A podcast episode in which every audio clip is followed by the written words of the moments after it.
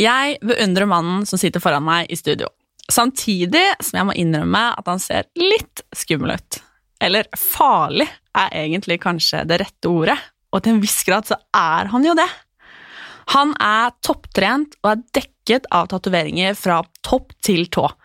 Han har faktisk så mange tatoveringer på kroppen at eh, jeg tror faktisk ikke det er plass til flere. I hvert fall eh, Nei, det ser ikke sånn ut. Og over det venstre øyet han står det Lill, til minne om moren hans som døde for uh, åtte år siden. På høyre overarm er ansiktet til eldstebroren Thomas foreviget. Han døde for 14 år siden.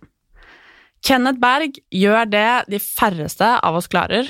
Han gjør det de færreste av oss uh, tør, og han gjør det de færreste av oss er i stand til.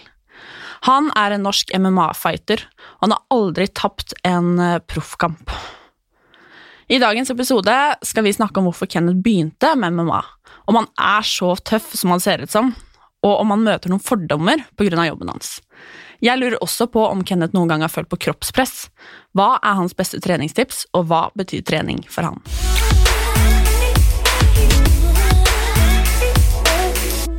Hei, Kenneth! Hallo, hallo. Velkommen.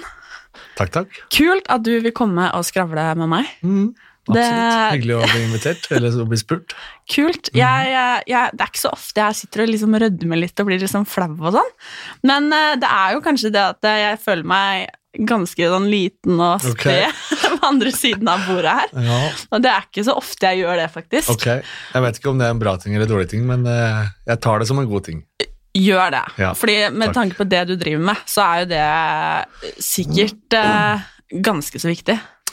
Ja, eh, jeg vet egentlig ikke. Eh, det er ikke så lett å si. Jeg tror eh, så lenge man gjør det man skal på trening og, og er god, så er de tingene med om motstanderen frykter deg og sånne ting bare ekstra. Og på det øverste nivået så Man har jo alltid en form for eh, frykt eller respekt for motstanderen, men eh, jeg for min del jeg, er ikke redd for noen mann. eh, og jeg har aldri følt på det at jeg er redd for han jeg møter. Det hadde jeg vært. Ja. Men eh, da hadde du også konkurrert inn, en, mot en dame, og så hadde du også brukt mange mange år på det du gjør, og så hadde du liksom lært deg å forstå det du driver med. og da, eh, det er som, Hvis jeg skulle hoppa i, eh, i eh, Holmenkollen i morgen, det hadde ikke jeg syntes vært noe fett, fordi det har jo ikke peiling. ikke sant? Eller hvis jeg skulle hatt foredrag på BE om noe jeg ikke aner noe om, f.eks. Da hadde jeg tenkt å fy, nå det veit jeg ikke hva han har takla, men eh, hvis jeg kan det fra før av, så kan jeg kontrollere omstendighetene. Og da blir det ikke det samme. Så det hender du er redd for noe, du òg. Eh, Jeg skal ikke skryte av at jeg er verdens tøffeste, men jeg er veldig sjelden redd. Det må jeg ærlig innrømme. Eh, Det er veldig, veldig, veldig få ting som jeg frykter. Så jeg kjenner på frykt veldig veldig sjelden. Jeg blir bevisst ting og, og, og, og kan registrere at ok, kanskje det her ikke er så bra, men jeg blir veldig veldig sjelden redd. Jeg kan egentlig ikke huske sist jeg var redd. Det er digg. Det er digg. Hvor gammel er du? 30 år er jeg blitt nå. Og hvor er du fra? Oslo. Og du bor i Oslo? Ja, Født og oppvokst. Hvorfor begynte du med MMA? Eller først, begynn å forklare hva er egentlig eh, MMA, fordi jeg klarer ikke å si det engang. Mixed Jeg klarer ikke. Du får ta det. MMA står for Mixed Martial Arts, som egentlig er eh, eh, MMA kunne på en måte vært hva som helst, men det er bare en blanding av eh, alle kampkunster. Eh, alt fra karate til judo, bryting, boksing, alle mulige kampsporter eh, som har smelta sammen til rett og slett den mest effektive måten å, å kunne dominere en annen mann eh, eller kvinne på. Så liksom, hvordan det ser ut, er kanskje det som er lettest å forklare, og det er det store buret. Og så er det to menn eller to kvinner da, som konkurrerer mot hverandre i samme vektklasse og på en gitt dato da, og så mot eh, en sum penger. Og så konkurrerer man for å se hvem som er best. Hvorfor begynte du med det? Eller hvordan kom du på at det er noe jeg skal prøve meg på? Eh, jeg var sinnssykt dårlig i fotball og innebandy, og jeg, var, jeg, jeg, bare jeg skjønte ikke hvorfor de andre gadd å spille det. Og så Faren min var faktisk eh, yngste eh, til å få brunt belte eller sort belte i judo i Norge. Men av en eller annen merkelig grunn så fikk jeg aldri muligheten til å trene judo. Han tok ikke meg med på judo. Og jeg var liten og sparka den dumme fotballen og syntes det sugde. Og så, og så når jeg ble litt eldre, da, så var det sånn ok, jeg kan jo ingen av de idrettene her. Jeg er dødsdårlig. Hockey, jeg kunne ikke stå på skøyter engang. Og så når jeg ble litt eldre, så var det en øh, venn av broren eh, venn, Nei, broren til en venn av meg som drev med thaiboksing og var trener. Og så faen, ok, kanskje jeg skal begynne med det. Da var jeg 13 år. Og så begynte jeg å trene det, og så eh, digga jeg det. For det var plutselig noe jeg fikk til med en gang. Og så noen år senere da, så eh, gikk jeg over til MMA, og så var det samme greia at jeg fikk bare en sånn Jeg måtte bare løse den koden. For jeg syntes det, var så- det var så mye på en gang. Så jeg bare ok, det her må jeg, før jeg liksom gjør noen ting annet, så må jeg få til det her. Og så har jeg bare blitt der siden. Ja, Mm. og nå er det faktisk det du driver med på fulltid. Det er jobben min, ja. Har vært det i en del år. Mm. Men uh, vi, jeg spurte jo deg før her, fordi det er noe som heter UFC. Mm -hmm. uh, hva er det? UFC er på en måte Champions Ja, man League. sier UFC, kanskje. Jeg Nei, UFC, det er greit å ta det på amerikansk. ja. amerikansk. Men uh, ja, eh, UFC er eh, som Champions League eh, i fotballverden, eller NBA i basketverden, eller NHL i eh, hockeyverden. Og det er eh, der de beste av de beste havner. Så hvis du er eh, blant de aller, aller beste i verden, så vil du få muligheten til å, å konkurrere for UFC. Hvordan ligger du an der? Eh, sånn som ting ligger an nå, så burde vi kunne få mulighet til å signere med de. Jeg har en utviklingskontrakt med de, eh, som betyr at eh, med en, en seier nå til, eller potensielt med den som jeg hadde i helgen, så skal min neste match kunne være i UFC. Men så vet man aldri heller, og jeg tenker at jeg vil ikke vente på noen ting. Så om jeg går en match til i februar, og knocke ut motstanderen min da, så eh, tenker jeg at da er det på tide, men hvis ikke, så skjer det heller ikke. Man må være villig til å jobbe, og heller ikke nødvendigvis få eh, de pengene og sånne ting man vil eh, med en gang. Man må være villig til å legge arbeid over tid, da. Og jeg har gjort det, men jeg kan fortsette å gjøre det også. Mm. Hvordan ser treningshverdagen din ut? Jeg trener eh, alltid to ganger om dagen, eh, sånn året rundt. Eh, og så er jeg selvfølgelig en hviledag i uka også, som regel søndager. Og så har jeg tre økter om dagen når jeg har match. Uh, så Match betyr at når jeg skal konkurrere, da. Så i ca. åtte uker i forkant uh, til seks uker så har jeg da en sånn periode hvor jeg trener litt mer og litt mer fokusert på enkelte ting. Og så um, har jeg tre økter om dagen, da. Men selvfølgelig uh, er jeg veldig veldig sliten eller har kjørt litt for hardt på noen økter og kjenner at uh, kroppen ikke har klart å hente seg inn helt, så tar jeg en fridag uh, når jeg trenger det. Mm. Mm. Hvor viktig er kosthold? Det er alfa og omega. Det er sinnssykt viktig. Og for oss så handler det også mye om at, og spesielt for min del som veier relativt mye fra før av, så må jeg bruke veldig mye kalorier på eh, treninga mi, mye karbohydrater. Og da spiser jeg jo eh, kanskje 5500 kalorier om dagen for å kunne veie det jeg fortsatt veier og ikke bli skjelett. Og så ja, er det viktig hvordan kvalitet eh, jeg har på maten min, til hvilket tidspunkt jeg spiser det jeg spiser, og selvfølgelig også at eh, balansen av makro er riktig, nok proteiner, nok karbohydrater og fett osv. Blir du noen gang sliten av det? Hvis jeg skal være helt ærlig, så blir jeg ikke sliten av noen ting. Fordi at Maskin, Nei, kaller men man det. fordi at, eh, og det høres jo kjempeteit ut, men jeg har bestemt meg for at eh, jeg har et vindu i den idretten her, og det vinduet er kanskje eh, si fem til seks år til, hvor jeg er i min beste, beste alder. Og jeg kan dedikere livet mitt til de neste fem-seks årene og, og for å oppnå målet mitt, som er å, å bli en av de aller, aller beste i verden og være rangert som en av de beste i verden i UFC. Og alt som kommer etter det da, da føler jeg at da kan jeg leve det eh, vanlige livet etter det. Men jeg det er så verdt det for meg å dedikere livet mitt, og da føler jeg ikke at det er fryktelig slitsomt. Jeg, jeg liker det. Uh, hvis jeg hadde blitt tvunget til å gjøre de tingene der uten at jeg hadde noe mål med det, at det bare ja, du skal gjøre det her i fem år til, altså, hvorfor det? Nei, det bare syns jeg at du skal gjøre. Det hadde jo aldri gått. Men når det er for noe som jeg føler er større enn meg selv, da uh, klarer jeg det. Det er ganske inspirerende. Ja, jeg vet ikke. Kanskje noen syns det. Noen syns at det høres uh, kjipt ut, men uh, uh, for meg i hvert fall så er det lett å, å, gjennomføre det jeg skal gjøre, fordi at jeg, jeg, elsker selvfølgelig det jeg driver med, men også for at man har et mål med det. Mm. Mm. Det er jo mange fordommer knytta til altså, kampsport, boksing og kanskje spesielt MMA. Ja. Møter du noen av de? Mm, er jeg tenker at Hvis man skal ta stilling til hva man hører på sosiale medier, og sånne ting, så blir det veldig veldig vanskelig. Jeg gjør ikke det, fordi at det er ikke et representativt utvalg av folks mening. Du kan ikke si at fordi at noen skriver noe stygt til deg, eller, eller omvendt. Om du bare får positivt, så er det ikke sånn og alle digger meg'. Jeg får så mange likes, og, så jeg tenker egentlig ikke noe på det. Eh, og når det kommer til mediene og sånne ting, så syns jeg at de har vært veldig, veldig flinke eh, etter at Emil kom inn i UFC, og spesielt Conor McGregor, eh, kanskje den største stjernen i sporten, eller den største stjernen i sporten, åpna dørene for det europeiske markedet, så har eh, norske medier også hengt seg veldig veldig på, eller åpna øynene sine. da, Og det er ikke lenger Jeg syns at Norge er ganske langt fram for hvordan de dekker det. De er ikke selvfølgelig i nærheten av USA, men de er veldig veldig langt fram, fordi at det ses, ses ikke lenger på som eh, hva de kalte det for hanekamp, og sånne ting eh, som eh, Eh, var veldig tøft for de utøverne da, fordi at det ble uglesett. og så var det, de, de, de, kunne jo ikke få sponsorer og sånne ting. Mens nå i prinsipp så kan jo jeg ha Tine som sponsor, hvis de hadde hatt lyst til å sponse meg, fordi at eh, det har blitt veldig stuerent. Mm. Mm. Og det er bra.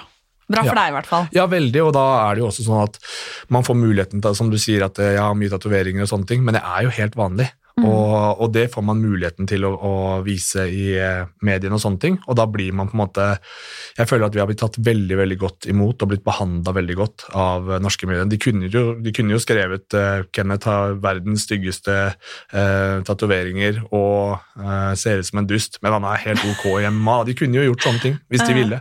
Det er ingen som kunne stoppa dem fra å skrive sånne ting, men de gjør ikke det, og det syns jeg er helt fantastisk. Mm. Apropos tatoveringene. Hva betyr det for deg? Eh, jeg tror folk blir litt skuffa eh, når jeg svarer hva det betyr for meg, fordi eh, jeg, har, jeg klarer å lese reaksjoner, og når jeg sier at det ikke betyr noen ting, så er det kanskje ikke det svaret folk forventer, fordi at hvorfor har du tatt så mange da? Og svaret mitt da er at jeg jeg syntes det var kult når jeg var liten, og så hadde broren min eh, tatoveringer, og så tenkte jeg sånn Ok, eh, den der var kul, jeg vil også ha sånn som broren min har. Og så tok jeg tatovering, og så har jeg alltid vært sånn som eh, eh, Hvis jeg begynner på noe, så vil jeg liksom gjøre det ferdig, på en måte, og vil at det skal liksom være noe mer enn bare den lille tingen. Så da fortsatte jeg bare å tatovere meg, så bestemte jeg meg for sånn Ok, greit, jeg vil ha eh, i hvert fall hele overkroppen, da. Det blir fett. Og så gjorde jeg det, men så mens jeg gjorde det, tenkte jeg sånn åh, jeg kan ikke ikke ha noe på beina, det blir jo helt rart. Og så kom det bare et punkt hvor jeg bestemte meg for ok, jeg skal ha bodysuit, og så er jeg ferdig, liksom. Og så gjorde jeg jo det, men det er jo mange mange år siden jeg hadde noe som helst lyst til å dra og tatovere meg. Men du føler liksom at jeg kan ikke ha en sånn tom kropp, og så har jeg bestemt meg for et prosjekt, og det er å tatovere hele kroppen min, og så kanskje når laserteknologien blir bra, så fjerner jeg alt. Hvem veit. Det blir neste prosjekt. For du har jo ansiktet også. Ja. Og de betyr ikke noe, de heller? Jo, det er jo som du sa, det med eh, moren min og, og, og, broren min, at eh, eh, det er jo en sånn tegn på Jeg er fæl til å Hva skal jeg si, man husker ikke alle ting. Og så noen ganger så forsvinner eh, minner og sånne ting. Jeg husker jeg snakka med eh, bestekompisen min for eh, noen dager siden, og så, og så kom jeg inn på at jeg huska ikke om Vi så på en film, Boys in the Hood, og så tenkte jeg på faen, jeg lurer på om Mamma pleide å ringe meg, for det var eh, noen av foreldrene der ringte til barna sine. tenkte Jeg lurer på om mamma pleide å ringe meg, og så huska jeg ikke det. Og det er litt en av grunnene til at eh, jeg syns det er litt fint å ha en sånn påminnelse om at liksom Lill, eh, Lill Karin, mamma, at hun eh, eh, At jeg liksom ikke glemmer, da, hvis du skjønner hva jeg mener. Mm. Um, men så er det også de tatoveringene som man får mest pushback på, Uh, det er liksom greit å ha hele kroppen ellers, men i ansiktet er det sånn øh, Hvorfor gjorde du det, liksom? Og så er det vanligste spørsmålet også sånn Selvfølgelig, nå er jeg, blitt, nå er jeg jo veldig voksen, men når jeg var kanskje 22, da, så er liksom klientellet rundt deg litt annerledes. Og da var det ofte sånn at folk tok meg i ansiktet og sånne ting, putta hendene sine 'Hvorfor har du det', eller 'hva er det', og sånne ting. Og så ja, altså, ja, du har tatovering i ansiktet. Og så, nei, sier du det? Det var jeg ikke klar over. Og så uh, liksom lurer på, ja, hvis ikke, du, hvis ikke, du, vil at folk skal spørre, så hadde du ikke gjort det heller. Og Det, det syns jeg er en veldig veldig rart uh, argument. at man gjør, Det er jo ikke sånn at hvis jeg tar på meg uh, klær som ser helt ok ut, så er det ikke sånn det er utelukkende fordi at jeg vil at alle skal si 'Å, du har så kule klær, Kenneth'. Det er vel litt for at jeg har lyst til å føle meg som et vanlig menneske og ikke som en uteligger. Mm. Så um, ja, eh, Kanskje ikke det mest spennende svaret, men eh, jeg har ikke noe sånn kjempeforhold til det. Jeg tror for, og, om Jeg også, jeg ser det jo ikke, ikke sant? når jeg står i speilet, så jeg er meg. Mm. Så jeg tenker ikke sånn 'Å, oh, så jævlig fete tattiser du har, Kenneth'. Oh, jeg gjør jo ikke det. Jeg bryr meg ikke, ikke sant. Så, ja. Men eh, hva, uh, under, hva, blir det? Ven, venstre øye? Uh, venstre, ja. Den, den ja. er det en dråpe? Ja. Hva, hva, hva betyr ikke den noe heller? Eh, det er vel litt som jeg var inne på det her med at eh, man eh, Jeg gråter ikke masse heller, for jeg har det veldig, veldig bra. og jeg kan egentlig ikke huske sist jeg gråt. Og da er det også litt sånn at det ble et sånt symbol på at jeg har Jeg sørger selv om jeg ikke liksom gråter, da. Sånn minne, på en måte. Mm. Mm. Det var fint. Mm. Men eh, hvilken vektklasse er det du eh, konkurrerer i? Lett tungvekt. Det er under 93 kilo. Ja. Og hva Jeg pleier ikke å spørre hva folk vanligvis veier, ja. det, men jeg føler liksom at jeg har lov til å gjøre det nå. Ja. Hva, hva, er liksom den normale treningsvekta di, liksom? Eh, den blir litt uh, litt høyere med årene. Og sånn som nå, så konkurrerte jeg på lørdag. Eh, så på fredag så veide jeg 93,3 kilo. Um, og da veier jeg akkurat inn på den grensa man har det som heter one pound allowance, som er da 489 gram eh, som du har lov til å veie over vektklassen din. Så jeg kan veie den på 93,48 eh, kilo. Eh, kutta bitte litt mer, så da veier jeg inn på 93,35. Og så eh, i går så veide jeg 105 kilo. Oi. Så eh, det Såpass. går veldig, veldig fort. Og så er det også sånn at kroppen eh, overkompenserer. Du blir som en sånn svamp etterpå. Eh, så du bare trekker til deg all væske og all mat. Og så har jeg spist litt mer, men man blir som en sånn eh, svamp noen dager etter den matchen, og så, eh, så, stabiliserer det seg litt. Men jeg pleier å veie rundt 105 kilo ca. Noen ganger litt mer, 106 kanskje. Ja. Det er ganske, ganske stor forskjell på liksom 105, 106 og 93 kilo, ja. liksom.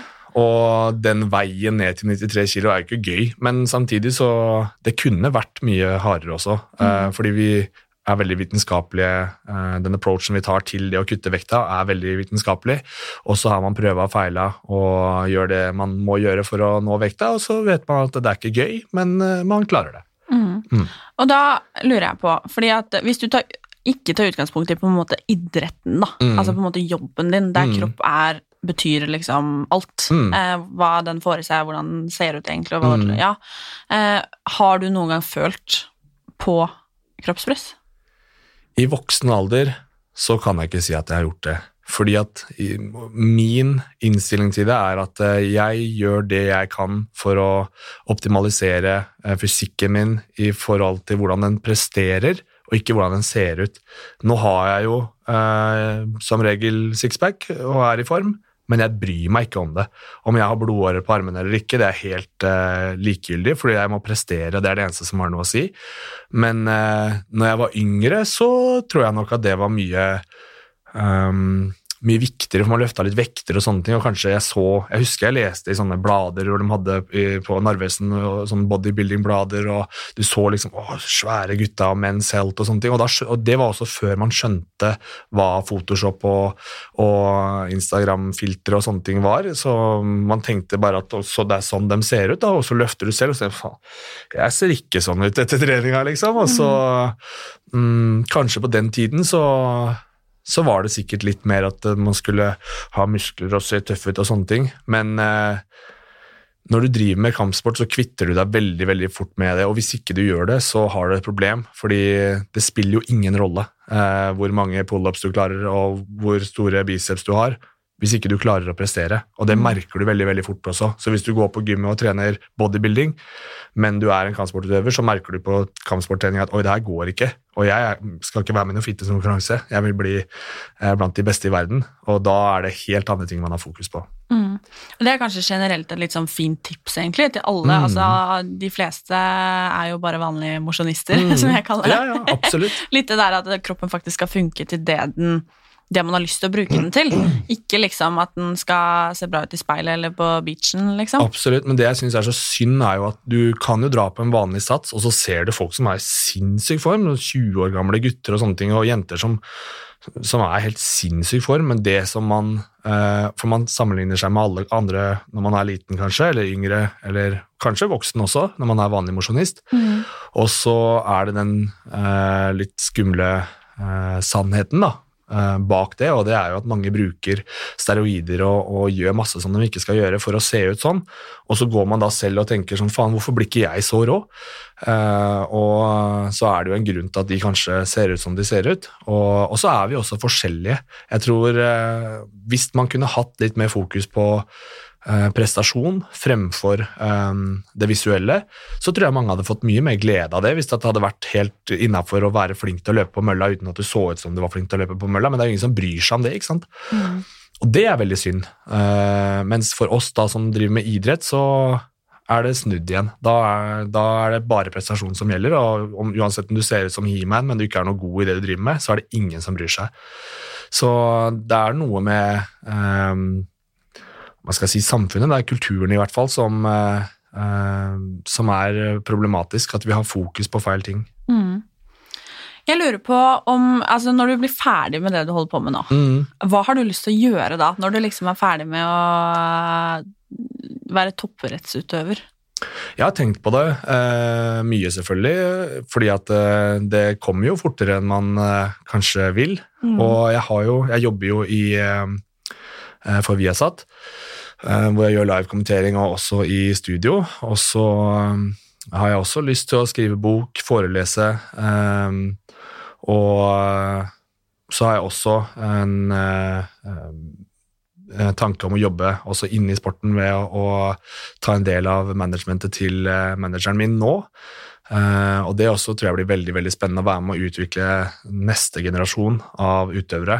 Mm. Og da kommer man jo også inn med sinnssykt mye erfaring og sett sporten vokse, og så kan man hjelpe de, da, de nye og, og prøve å få de opp på eh, nivå, da, Mm. og lære dem ting fra første stund. Mm. Jeg tror veldig mange eh, tenker at eksempel barna sine, da, ikke At det, det er så forferdelig Mm. å liksom se at barna sine blir slått, og Ja. det er så voldelig, liksom. Eh, er det noen av de som på en måte står deg nærmest, som syns at det er vanskelig, som ikke klarer på en måte å følge med? Fordi at det, det er jo ganske brutalt sånn, eller det ser jo i hvert fall ganske brutalt ut. Ja, og det er jo det, selvfølgelig. Mhm. Eh, faren min og, og broren min var jo nå i, eh, på matchen min og så på, og eh, broren min sa etterpå at eh, faren min var, eh, han var stressa, han var nervøs. eh, men han digger det jo også. Han gleder seg veldig, og han ringer meg og hører hvordan det går med vektkuttet og liksom hvordan jeg ligger an. og Han, han er jo kjempeinteressert, men eh, jeg har ikke hørt noe sånn spesifikt han sier liksom at 'å, fy faen, jeg veit ikke om eh, jeg klarer meg', liksom. Men jeg veit om noen andre som eh, sier at de ikke orker å se på. Og flere venninner og sånne ting også som syns at liksom, det, er så, det er så vidt de liksom orker å skru på TV-en, da. Mm. Men eh, så tenker jeg også at i matchene mine så har det gått eh, eh, min vei, og, og med unntak av en blemme i Las Vegas i sommer, som ble omgjort til eh, no contest, og da, og da tapte jeg jo, Mm. eh, men det ble omgjort til noe som heter no contest fordi han eh, som jeg møtte, hadde brukt steroider, så da ble eh, tapet annullert. da. Men selv der også, så eh, Det var ikke en match hvor jeg på en måte ble slått i stykker eller noen ting. Han traff meg egentlig ikke med noen ting, eh, men jeg røyk på en, eh, en eh, submission eh, i første runde, og det er heller ikke så eh, det er ikke så tøft å se på, men hvis du ser på kanskje en femrunders match hvor det ser ut som noen har eh, eh, hva skal jeg si, tatt på en maske på ansiktet ditt og, og snurra deg rundt 50 ganger, og du ser helt forferdelig ut, Mm. det tror jeg er mye, mye verre. Så kanskje den dagen jeg har en sånn match som det, så tror jeg det blir ekkelt å se på for de der hjemme. Mm. Men uh, man får jo også håpe at uh, det blir jeg som deler ut den julinga. Men uh, man må jo akseptere at det går begge veier òg. Mm. Eh, da, nå fikk jeg to spørsmål. Okay. Først, eh, om du noen gang får barn selv, Mm. Hadde du likt at de hadde begynt med det? Hadde, tror du du hadde klart å på en måte sett på Man tenker jo åh, det er barna mine, sikkert. ikke sant? Det er kjempevanskelig å ta stilling til det, fordi jeg har jo ikke barn, så Mm. det er veldig veldig vanskelig for meg å si. Og jeg har eh, tantebarn, holdt jeg på å si, onkelbarn, Mm. eh, nieser og, og eh, nevøer, og jeg kunne jo tenke meg at nevøen min skulle begynt å trene bryting og liksom bli en, eh, en gutt som får kjent på kampsportverden, men eh, veldig vanskelig å si hva jeg syns når han blir ordentlig voksen, liksom. For han kanskje ikke jeg syns det er så fett lenger, da. kanskje ikke jeg vil at han skal gjøre det da. Men eh, det er veldig vanskelig å si. Jeg, jeg, jeg tenker liksom sånn at det riktige svaret er nei, man vil jo ikke at de skal gjøre det. Men jeg har fått helt sinnssykt mye ut av å drive med kampsport, og det man ofrer, det er det så verdt. Eh, så lenge du får de resultatene du vil. Det er noe annet hvis man skjønner tidlig at det her kanskje ikke er for den personen, og så fortsetter de allikevel, og taper en, vinner en, taper en, vinner en, taper to, Mm. og så ser du på dem at det her går jo ikke noe vei. Det er noe annet. For da, det, da koster det mer enn det smaker. Mm. Mm. Jeg skjønner. Hvordan, eller er det mye eh, dopingbruk i eh, din bransje? Nå er det jo sånn at eh, eh, flere og flere har strengere testing, og vi annet på Frontline, vi har jo innført eh, eh, en avtale med Antidop i Norge eh, for lenge siden, hvor vi blir testa året rundt, eh, alle utøverne der. Og så er det også, eh, i UFC spesielt, så har de noe som heter USADA-testing, som vil si United States Anti-Doping Agency. Og det er verdens strengeste, dopingkontroll. De kommer og tester året rundt. Så hvis du ligger hjemme om morgenen klokka seks og det banker på døra, så kan det være de, og det kan de gjøre ti ganger på et år. Så, og det er jo en av grunnene da, til at uh, testing er så streng at uh, motstanderen min ble tatt av sist. Fordi at uh, har du noe i systemet som du ikke skal ha, så tar de deg med en gang. Hvordan var det å på en måte først tape en kamp, og det var sikkert skikkelig dritt, Ja, kan jeg det var helt uh, forferdelig, og det som var så synd med det, var at jeg fikk en kjempestor mulighet. For den matchen, uh, vant jeg den, så hadde jeg fått uh, kontrakt i UFC med en gang. Men jeg hadde ikke konkurrert på to år. Og gikk inn i den matchen med mitt livsform og gleda meg til å konkurrere, altså, men det var så lenge siden jeg hadde konkurrert at jeg, jeg hadde helt glemt hvordan jeg liker å være når jeg konkurrerer. Så jeg husker jeg sa til hjørnet mitt eller teamet mitt når vi var der nede, at jeg sa jeg, jeg, jeg er litt stressa over at jeg ikke er stressa. Og jeg hadde ingen nerver og, og følte meg bare helt sånn av. Og samme når jeg varma på sånne ting, også dagen under matchen, satt der og så på motstanderen min, og det var liksom, jeg fikk ikke noe puls, ingenting. tenkte jeg, ah, jeg trenger jo det. Og så kom det aldri, samme når jeg varma på, så, så kom jeg aldri helt på. Og, så, og, og den, den følelsen ble med meg inn i buret, og det er det rareste jeg noensinne har kjent på. Um, jeg hadde helt glemt hvor uh, glad jeg var i sporten, rett og slett. To år er veldig, veldig lenge. Og um, jeg var der inne og følte at uh, jeg visste at alt sammen var formmessig 100% og jeg var, ble ikke noe sliten, eller noen sånne ting, men jeg, jeg følte at jeg bare, det var som en sparring, en dårlig sparring, hvor jeg egentlig ikke hadde lyst til å spare. Jeg ville bare at rundene skulle være over. At sånn, ah, Vi får bare henge her da, til uh, det, det runden er over, og så hva gjør akkurat nok? Men så møter jeg en fra slummen i Brasil som kjemper for livet sitt, og jeg har jo sagt i etterkant, og jeg syns ikke at han var eh, bedre enn meg. Jeg syns ikke at han var god. Jeg følte at jeg var sterkere enn han og raskere enn han og alt mulig. Men når du ikke er til stede, og han kjemper for livet sitt, så kan altså på det nivået der da, så spiller alle eh, ting en forskjell. Så um, røyke på det tapet da, og det var uh, Jeg skjønte hvor mye det her betyr for meg etter det. Mm. Og eh, jeg sa jo at det, det er lenge siden eh, Jeg kan ikke huske sist jeg gråt, men nå kom jeg på det, og det var etter den matchen der. Ja. Fordi at, og da skjønner man liksom sånn, faen, jeg, jeg, jeg griner liksom. Fordi at det her betyr, det betyr så sinnssykt mye for meg, og jeg gråter aldri. Eh, så, og det var bare helt sånn Du spiller av den matchen og omstendighetene i hodet ditt, og bare hva, hva hva skjedde der egentlig? I timevis og, og dagevis. Det bare går en sånn film hele tiden. Det er helt sinnssykt. Og så kommer du hjem, og det er bare som at du Du føler at noen har dødd, da. Det er helt eh, samme følelsen. Og så gikk det kanskje ti dager eller noe sånt, og så var det noen som sendte meg en melding om at hei, han har blitt tatt for doping. Og så bare, hæ, er det sant? Og så sjekka jeg det opp, og så stemte det. Og da var det som at, og det var helt sprøtt, det var som at jeg hadde en kniv i hjertet mitt, og så ble den kniven dratt halvveis ut.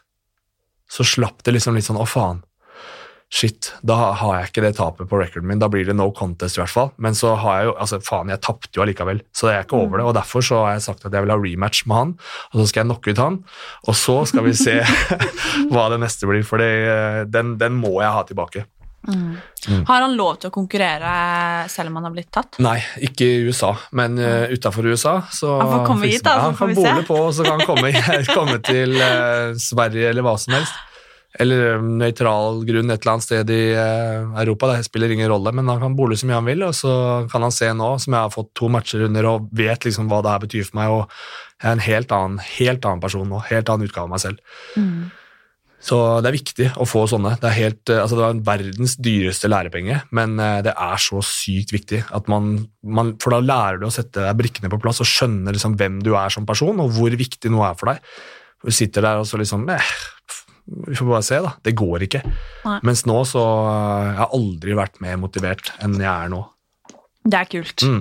Dritkult. Og deilig følelse også. Ja, ikke minst. Mm. Eh, hva ofrer du, eller hva har du ofra for å komme dit du er i dag? Mm. Det var litt som jeg var inne på i stad, at eh, man ofrer veldig, veldig mye når man tenker over det, men samtidig så er det som at alle de valgene jeg tar, de gjør jeg fordi at jeg vil være den beste utgaven av meg selv, fordi jeg har det målet jeg har satt meg, og, og det er så viktig for meg at jeg føler ikke nå at jeg ofrer så mye, men eh, selvfølgelig sosialt, så, så i spesielt hverdagen, så er det veldig mye som går bort. Eh, fordi du kan ikke trene tre ganger om dagen og ha tid til å kjøre high fives og, og, og finne på masse gøy. Det går ikke. Og så har du kanskje da helgen, en lørdag kanskje, og så kan du være med på noe, men så er det match, og da kan du ikke være ute til seint på natt, du må legge deg tidlig og alt mulig sånn. Um, så det sosiale er kanskje det man uh, ofrer mest, og så er det det med at man eh, ehm, drikker ikke alkohol og styrer man, altså, Da har vi to. Ikke, ja, kjempebra. Ikke at det nødvendigvis er noe sånn offer, da, men Det er eh, ikke fordi at jeg er topptrent, da. Nei, nei men det sånn. er, det er et godt valg. Det er en fin ting. Mm. Um, men uh, man velger bort veldig mange ting som eh, er vanlig da, for, uh, for uh, gjengse mann og kvinne, og da um, Det går kanskje litt utover det med å, å, å skaffe seg familie og sånne ting også. At, eh, jeg sier ikke at det ikke er mulig, men jeg tror at eh, den som velger å dele livet sitt med meg akkurat nå, det blir litt vanskelig. Mm. Og det er noe man Og, og jeg ønsker jo da å liksom Jeg vil jo være ærlig og, og, og si det til den personen også, at eh, du må vite hva du går til, fordi jeg kan ikke da stå der eh, halvt år etterpå, og så sier hun sånn Ja, men å, skal du trene igjen? Bare, Selvfølgelig skal jeg det. Og hvis spørsmålet kommer opp da, hva er det som er viktigst, eh, meg eller treninga, da er svaret med en gang treninga.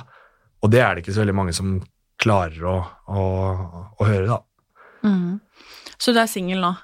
Ja. Ja. og trives med det? Det er liksom deg og treninga? Ja, det høres veldig ensomt ut, men eh, og, og Jeg det tror jo ikke det er så ensomt egentlig, kanskje. Nei da, og det er jo supersosialt med tanke på liksom, den eh, gruppa jeg har, og så er jeg jo veldig sosial ellers, det er ikke det. Ehm, men det blir jo litt at, som jeg sier, hvis, hvis du er glad i noen, så har man også respekt for dem, og da eh, er det viktig at man eh, er tydelig på sånne ting. da, At eh, det er en ting i de årene her som er aller aller viktigst for meg, men hvis den andre personen da sier at 'jeg skjønner det veldig godt', jeg skal ikke kjefte på deg eller klage, ok, da er det good. Men det er vanskelig. Var det en annonse her nå til alle damene? Ja, vær så snill, send meg en eh, direktemelding på Instagram hvis du er interessert. Ja, kjør på! Ja. Det han er ikke så skummel som det han så ut eh, som på starten her. Uff. Nei, ikke en annonse akkurat. Men Nei. eh, du skjønner hva jeg mener, da. Jeg skjønner hva du mener. Ja. Jeg la jo litt opp til det. Ja. Men um, for eksempel, altså sånn uh, Jeg har noen kompiser som uh, også driver med toppidrett, Mm. og blant annet hockey og sånn. Mm. Og uh, ofte hvis de eksempel er på byen eller noe sånt, da, Mm. så er det veldig mange som skal yppe. Ok. Det er liksom veldig mye sånn, det er mange som skal liksom være tøffe i trynet, og opplever du det? At mange liksom kommer og liksom skal yppe med deg og provosere deg? Aldri. De tør rett og slett ikke. Jo, jo, jo. Det tror jeg absolutt. Jeg tror, eh, jeg tror ikke det jeg tror, jeg, tror, egentlig ikke det har noe med det å gjøre. Jeg tror eh, at når jeg er ute, så, og ellers også jeg, jeg får veldig lite eh, negative kommentarer, og, og jeg opplever egentlig veldig, veldig sjelden at noen eh, og Spesielt her hjemme, at de liksom er åh, ikke gå bort til han, eller ikke snakk med han, eller, eller at de ser stygt på meg, eller opplever veldig, veldig lite av det. Og det føler jeg at jeg, jeg, jeg prøver ikke å ta noe mer plass enn jeg trenger, holdt jeg på å si. og, og uh, Så lenge man er snill mot andre, så pleier de å være snill tilbake. Eh, og så er det jo liksom hva terskelen er. Hvis jeg er på byen og noen uh, søler en drink på meg, eller sånne ting, så spiller jo ingen rolle det. Så lenge ikke de tar drinken og kaster den i ansiktet mitt og sier hei, eh, og spytter på meg etterpå, liksom. Det er, og det er jo ingen som gjør det. Og da er det jo liksom ok, det spiller ingen rolle for meg. og Noen dulter borti skulderen, og ja, det er jo helt vanlig. Man er på byen og det er fullt av mennesker. Mens andre kanskje har et behov for å hegne og ikke gå borti meg og ikke søl på meg, og at de liksom er veldig tøffe, da. Uh, og det Man velger selv om man har lyst til å krangle med noen eller ikke. Mm. Hva betyr trening for deg? Um, ja, hva skal jeg si? Hva trening betyr for meg? For meg så er det jo en, et middel til å nå målene mine. Men så er det også um, så stor del av hverdagen min at jeg vet at jeg kommer til å trene, og har alltid gjort også, kommer til å trene når jeg er ferdig med idretten også. Men ikke så mye kampsport sikkert, men løfte vekter og jogge meg en tur og sånne ting. Fordi eh, det føles veldig, veldig bra å trene. Og jeg tror ikke Jeg vet ikke hva jeg skulle gjort med dagene mine hvis jeg bare Hvis ikke jeg trente. Da veit jeg ikke hva jeg hadde gjort. Og da lurer jeg på, Hva er liksom ditt beste treningstips til mosjonistene der ute? Ikke til eh, bare de Mm. eh, som skal bli like gode som deg, men de andre. Jeg tror faktisk at eh, det beste treningstipset jeg kan komme med, er eh, å prøve å finne det man liker. eh, men heller ikke være redd for å prøve nye ting, for man vet ikke om man liker det eller ikke før man har prøvd det. Og så sette lista lavt. Det trenger ikke å være Når man skal gå og løpe på mølla, f.eks., hvis du tror at du må løpe en time på tredemølla, så kommer du aldri til å løpe en time igjen etter at du har løpt en time én gang, for det er så kjedelig. Men hvis du tenker at hvis jeg får inn ti minutter i et helt greit tempo, da er jeg ganske fornøyd. Og så klarer du Alle klarer ti minutter, eller i hvert fall de fleste klarer ti minutter. Kanskje du tenker neste gang at ah, jeg skal prøve på elleve. Og så fortsetter du sånn, og så plutselig så blir man veldig flink til det man driver med. Så jeg tenker at eh, å sette lista lavt, og så prøve seg litt fram og finne noe man liker. Mm. Gode tips, syns jeg. Ja, kanskje. Jeg håper det. Ja. Men eh, hva skal jeg si at eh, Du har jo sikkert veldig mange som ser opp til deg i, altså, i ditt miljø. Jo, du trenger ikke å nøle på det, for det er det garantert. Altså, Disse 13 års gamle gutta, var det ikke da du begynte? Jo. Jo, det er klart at de syns jo at eh, du er en inspirasjon, da. Uten tvil. Hvor eh, Er du bevisst på at du er et forbilde? Det er som jeg sier, at siden man, man legger på en måte ikke så godt merke til det, hvis du skjønner hva jeg mener. Hvis jeg er et forbilde, så er det vanskelig for meg å avgjøre om jeg er det eller ikke, fordi jeg tar ikke utgangspunkt i, i Instagram, eh, og det er det eneste sosiale mediet jeg har og noensinne har brukt. Eh, og så er man, når jeg trener på frontline, så trener jeg eh, på morgenen med teamet mitt, og teamet er liksom brødrene mine, så vi snakker jo heller ikke om sånne ting, og vi er på en måte likestilte alle sammen. Så jeg har veldig lite omgang, kan du si, med eh, andre kanskje i treningsmiljøet og sånne ting, så det er litt eh, Det er vanskelig for meg å si, faktisk. Eh, og så Jeg vet liksom ikke um, Hva skal man si til det, om, at, om du er et forbilde? Hvis jeg, jeg Jeg syns i hvert fall at du er et godt forbilde. Ja. Hvis ikke så hadde du ikke vært her i dag. Ok, takk. Det setter jeg veldig pris på. Det Ja, men det må du ta med deg. Ja. Det Absolutt. Og jeg tror det er Altså, nå veit jeg at ikke du føler deg som den tøffeste fyren i gata, og eh, for å si sånn, du er ikke litt høy på pæra engang. Men det er klart at jeg tror at veldig mange av de gutta der ute, da, og litt sånn vi snakka om disse gutta på 20 år som er liksom ser altså helt ripped ut på gymmet, liksom, Mm. at de har noen se opp til, da, på en god og sunn måte, liksom. Og på en ren måte også, liksom. Mm. En som bare rett og slett legger ned så mye tid og dedikasjon da, som det du gjør. Mm, Mm. takk. Sånn et skrytetime her, da. Ja, Ja. koselig.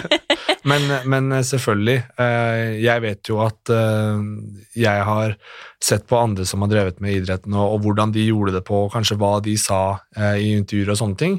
Og, og det, sånne ting spiller jo en stor rolle. Og jeg tror at den i Norge som har aller, aller mest suksess nå, Jack Hermansson, han har aldri sagt et stygt ord om noen. Uansett, han har eh, 26 proffmatcher og møtt de beste av de beste i en årrekke i hele verden.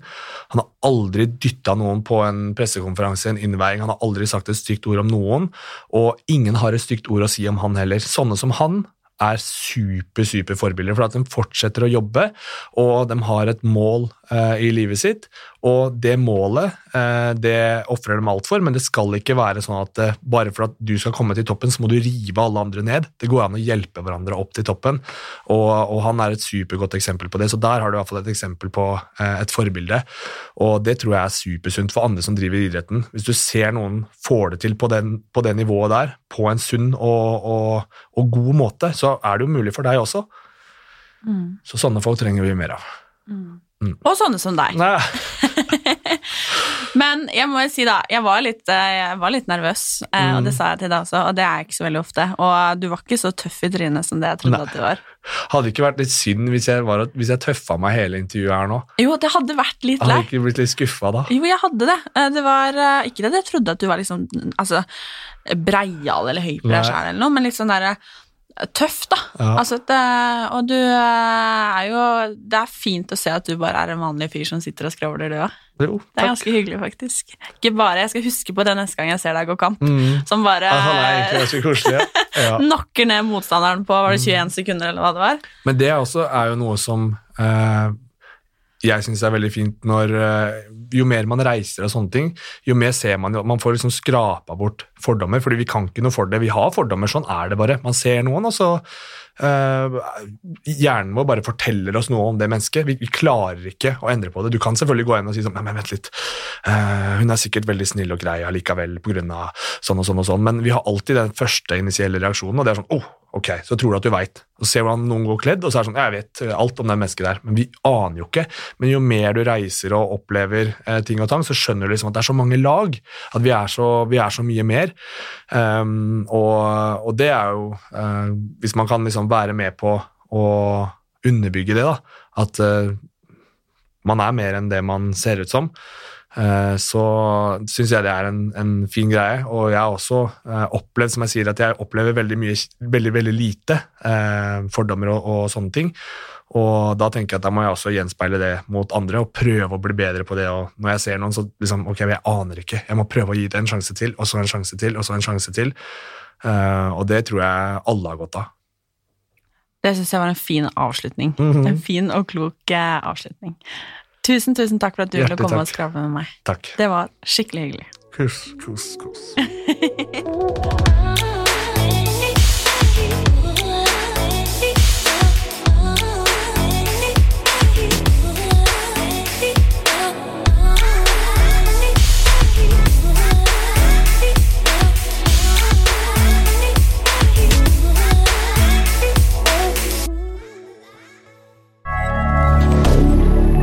Moderne media.